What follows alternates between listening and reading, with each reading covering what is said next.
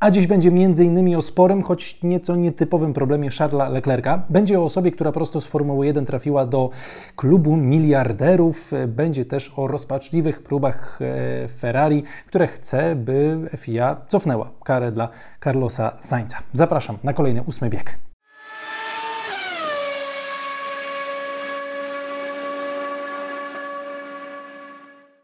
Partnerem ósmego biegu jest wypożyczalnia samochodów Odkryj Auto. Witam Was poświątecznie. Jesteśmy w trakcie tej długiej przerwy od Formuły 1, ale przerwy od ósmego biegu oczywiście nie ma. Pewne nowe informacje wciąż się pojawiają. Oczywiście nie ma ich tak dużo jak w trakcie takiego regularnego sezonu, ale spokojnie jestem, czuwam nad tymi wszystkimi świeżutkimi informacjami. Jeśli ktoś, tak jak ja, mm, w te święta odpoczywał nieco od mediów społecznościowych, no to na pewno dzisiaj e, paru interesujących nowych dla siebie rzeczy się dowie. A jeszcze na sam początek informacja dla tych z Was, którzy są graczami, którzy lubią się wirtualnie e, ścigać. E, Discord mój i Discord e, Bartka Budnika i Bartka Pokrzywińskiego połączyły swoje siły i organizowana jest liga w nieco starszych edycjach gry Formuły 1, oficjalnej gry F1, więc jeśli ktoś z Was chciałby w takiej lidze się pościgać, to w przypiętym komentarzu znajdzie wszelkie potrzebne linki i informacje. A ja przechodzę do tych najświeższych informacji, a zaczynamy od polskiego juniora, od Tymka Kucharczyka, który w tym sezonie startuje w brytyjskiej Formule 3. Oczywiście niezmiennie wspieramy polskich juniorów i Was do tego też zachęcam. No i za Tymkiem pierwszy weekend, weekend na torze Alton Park. Trzy wyścigi, Tyle liczy sobie jeden wyścigowy weekend w tej właśnie serii. No i Tymkowi poszło naprawdę dobrze. To był jego debiut. Warunki były bardzo trudne, było mokro, było wilgotno, było bardzo e, zdradliwie i w tych e, warunkach Tymek w każdym z wyścigów zdobył punkty, co oczywiście też to jakby od razu Wam powiem, w tej serii bardzo wiele miejsc na mecie zdobywa punkty, ale Tymek był piąty, ósmy i trzynasty, więc naprawdę dobry weekend za nim i po tym weekendzie jest e, szósty w klasyfikacji generalnej, więc duże brawa dla Tymka za dobry początek i trzymamy kciuki za kolejną rundę, a ta kolejna runda 6-7 maja na torze Silverstone, więc e, trzymamy kciuki za Tymka, a ja przechodzę do Michałków. Y, już stali widzowie wiedzą, co to, y, co to znaczy, a pierwszym Michałkiem będzie informacja o szefie Mercedesa, o Toto Wolfie, który, słuchajcie, dołączył do elitarnego klubu miliarderów. No, klubu miliarderów oczywiście w cudzysłowie, bo chodzi o listę, którą publikuje Forbes, y, która jest co rok aktualizowana. No i jest to lista miliarderów i Toto po raz pierwszy się na niej znalazł. Na tej liście, słuchajcie, znajduje się 2640 osób. Tyle osób na świecie to są miliarderzy. 28 mniej osób y, jest na tej liście niż przed rokiem, więc coraz mniej mamy miliarderów.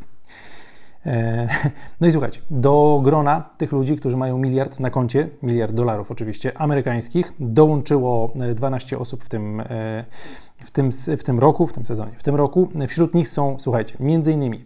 LeBron James, jest Tiger Woods, no i właśnie Toto Wolf. Jego majątek y, szacuje się właśnie na miliard dolarów, więc duże gratulacje dla Toto Wolfa. To już tak bez żadnego przymrużenia oka ani bez żadnej beczki, bo gość doszedł do tego swoją ciężką e, pracą i naprawdę jakby jest to postać, która pokazała, że da się dojść do wielkich e, rzeczy, a przy okazji jest to bardzo normalny człowiek, z którym da się normalnie w trakcie weekendu F1 e, porozmawiać e, I co? Trzymamy kciuki za to, żeby konto rosło, żeby było też jak najwięcej może osób z Formuły 1 na tej, na tej liście, choć to zadanie niezwykle trudne. Dla porównania, słuchajcie, powiem Wam, kto jest najbogatszy w tym momencie według Forbesa na świecie. Jest to pan Bernard Arnault, czyli francuski e, biznesmen, e, do którego portfolio biznesowego należy m.in. E, Louis Vuitton. Mm, to jest w ogóle taki producent różnych luksusowych rzeczy, właściciel luksusowych marek. No i gość, słuchajcie, ów e, pan Francuz ma 211 miliardów dolarów. 211. Na drugim miejscu jest Elon Musk, który ma ledwie 180 miliardów spadek.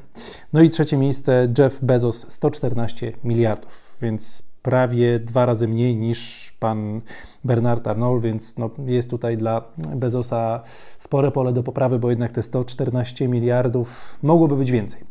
Przechodzimy teraz do kolejnej informacji mm, i tutaj już przymrużenia oka nie ma, bo sprawa jest poważna. Charles Leclerc, słuchajcie, wystosował na Instagramie taką odezwę do kibiców, w której napisał, że przez ostatnich parę miesięcy w jakiś sposób mój adres domowy stał się adresem publicznym, został upubliczniony, no i to sprawiło, że ludzie zaczęli zbierać się pod moim domem, pod moim mieszkaniem. Chodzi oczywiście o mieszkanie w Monako, bo tam na co dzień mieszka Charles. Ci ludzie dzwonią dzwonkiem, proszą o zdjęcia i autografy. I o ile jestem naprawdę bardzo szczęśliwy i bardzo dziękuję, że mam Wasze e, wsparcie, bardzo proszę, uszanujcie moją prywatność i nie przychodźcie do mojego domu. Nie będę schodził e, do Was, jeśli do mnie przyjdziecie. Mm, to dla mnie wiele znaczy, to Wasze wsparcie, ale jest pewna granica, która nie powinna zostać przekroczona. Mm, no i to jest naprawdę informacja taka, która pokazuje, że no niestety także w tej jakże wspaniałej grupie fanów Formuły 1 no wciąż są cymbały, bo tak trzeba nazwać osoby, które przychodzą do domu e, człowieka, który sobie prywatnie w tym domu egzystuje. E, jeśli ktoś uważa inaczej, że ma prawo ktoś przyjść pod czyjś dom i wydzwaniać dzwonkiem po to, żeby ten ktoś zszedł i dał mu autograf, no to nie. E, to jest granica, której właśnie nie należy przekraczać. E, no i ciężka sytuacja dla Szarla, bo zakładam, że no, dla osób, które chcą ten adres znaleźć, to nie jest trudne. E, więc pytanie, jak to się dalej potoczy, czy sytuacja się uspokoi, czy Charles będzie jakieś kroki musiał podjąć inne, nie wiem, zmiana tego mieszkania, jakaś ochrona, nie wiem, ale, ale no, trzymam kciuki, żeby po prostu mu się to jakoś rozwiązało. Kolejna informacja, słuchajcie, którą dzisiaj chciałem Wam przekazać, dotyczy Żana Toda, czyli szefa FIA na emeryturze, byłego, poprzedniego szefa FIA, który był przed Mohamedem Ben Sulayemem, który rządził nam przez lat wiele i który mm, był szefem FIA jeszcze w trakcie wyścigu w Abu Zabi w 2021 roku. Oczywiście pamiętamy tamten wyścig, który zakończył się niemałym skandalem. No i w dokumencie przygotowanym przez Kanał Plus Jean Todt zdradził, że e, w zasadzie było pokazane, że on oglądał tamten wyścig w swoim domu E, nie był na torze, mm, oglądał sobie z, z ekipą e, swoją też ludzi z FIA. No i po wyścigu Jean Todt zdradza, że zarówno Christian Horner, jak i Toto Wolff do niego zadzwonili i chcieli jakiejś interwencji. Mówili, że no przecież skandal, musimy coś działać, robić. E, co tu się takiego najlepszego wydarzyło. Wiadomo, każdy dzwonił z troszkę inną sprawą, no i to odpowiedział, że odpowiedziałem im, że przecież ja nie mogę się w to mieszać, bo to jest odpowiedzialnością tych ludzi, którzy są na torze i dyrektora wyścigu. No i trudno o lepszą odpowiedź. No bo cóż ma tutaj interweniować e, szef FIA? Od tego byli ludzie na tamtym wyścigu. To, że wykonali akurat nie do końca odpowiednią pracę, to jest inna sprawa. No ale to już y, nie była sprawa Żana Toda. Znaczy teoretycznie jeszcze była, ale on i tak za chwilę odchodził na emeryturę, więc nie było tutaj y, za bardzo do niego jakichś y, pretensji. Pretensje były do Michaela Masiego, który swoją posadę oczywiście stracił. Na moment wracamy, słuchajcie, jeszcze do Toto Wolfa, który powiedział, zdradził, że E, o ile rzeczywiście, pamiętacie, jeszcze tło, pamiętacie, ostatnio Wam mówiłem, że w trakcie weekendu w Baku jest szansa, że będzie nowy format e, tego, e, tego sprinterskiego weekendu, bo ma być sprint w sobotę, ale też mają być dodatkowe kwalifikacje w sobotę właśnie. I zespoły się miały na to zgodzić, ale mm, docierały informacje od Toto Wolfa, który mówił, że ok, my jesteśmy ze zmianami, ale też należy się zastanowić, czy takie zmiany należy robić tak e, nagle, takim ostrym cięciem, czy może jednak należy trochę poczekać, żeby je e, wprowadzić. No i zaczęły się pojawiać też takie sugestie. Motorsport.com o tym pisał, że może jednak nie Baku, bo jest mało czasu e, na to, żeby to wszystko przeprowadzić, może nieco później ta zmiana, ale to na razie było tylko jedno źródło, tylko motorsport.com, więc czekamy na to, jak ta sprawa się będzie rozwijać. No jeśli tam mają być jakieś zmiany, to zakładam, że w ciągu tygodnia, maksymalnie dwóch, FIA powinna te zmiany po prostu e, ogłosić i powinniśmy wiedzieć coś więcej.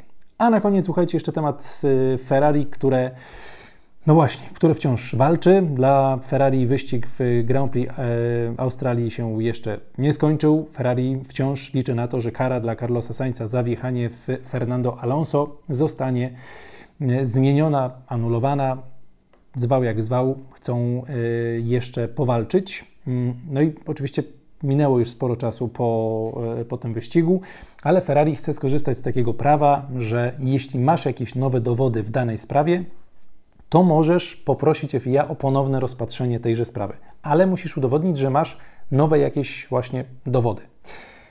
Co Ferrari tutaj przedstawi? Do końca nie wiadomo, co mogłoby być tym nowym e, dowodem, co też nie było dostępne zaraz po wyścigu, bo to się wydarzyło już nieco, nieco później. Mm, kiedyś Ferrari się ośmieszyło, pokazując jako nowy dowód, próbując mm, jakby wznowić sprawę, mówiąc, że nowym dowodem jest analiza, którą przeprowadził dziennikarz telewizji Sky Sports. I oni mówili, że to jest dowód w, nowy dowód w ich, w ich sprawie. Dziennikarz, który korzystał z tych samych narzędzi, które mają w FIA i w kontroli wyścigu. No nie. Więc nie wiem, co teraz Ferrari chce wymyślić. W każdym razie Fred Wasser na ten temat powiedział, że na razie rozmawiamy z FIA i nie mogę udzielać żadnych dodatkowych informacji, ale po prostu uważamy, że tam nie było konsekwencji. I tu się zgadzam z Fredem Wasserem. Nie było konsekwencji, bo Gasly i Ocon tam żadnej kary nie było. Sergeant, Sargent i De Vries tam też nie było kary, a to była jakby oczywista sytuacja do, do kary. Jasne, ale wciąż nowego dowodu żadnego nie ma. To, że oni nie dostali kary, to nie jest nowy dowód, bo to wszystko było znane w tamtym momencie. Więc nie wiem, e, co tam Ferrari wymyśliło i bardzo jestem ciekaw i czekam na moment, aż się dowiemy. Nie sądzę, żeby im to przyniosło jakąś zmianę, ale zobaczymy. No i Fred Wasser też powiedział, że e, jakby on wie, że sędziowie mają bardzo trudną pracę do wykonania i, i, i to rozumie, no ale jakby jeszcze próbują, e, próbują walczyć. No i że właśnie czują, że, się, że zostali potraktowani zupełnie inaczej niż ta sprawa e, Okona i, i Gastriego, także Sargenta i De Vriesa.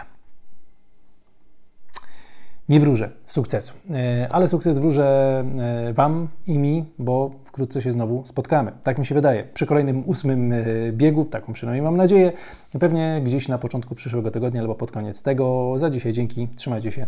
Cześć, cześć.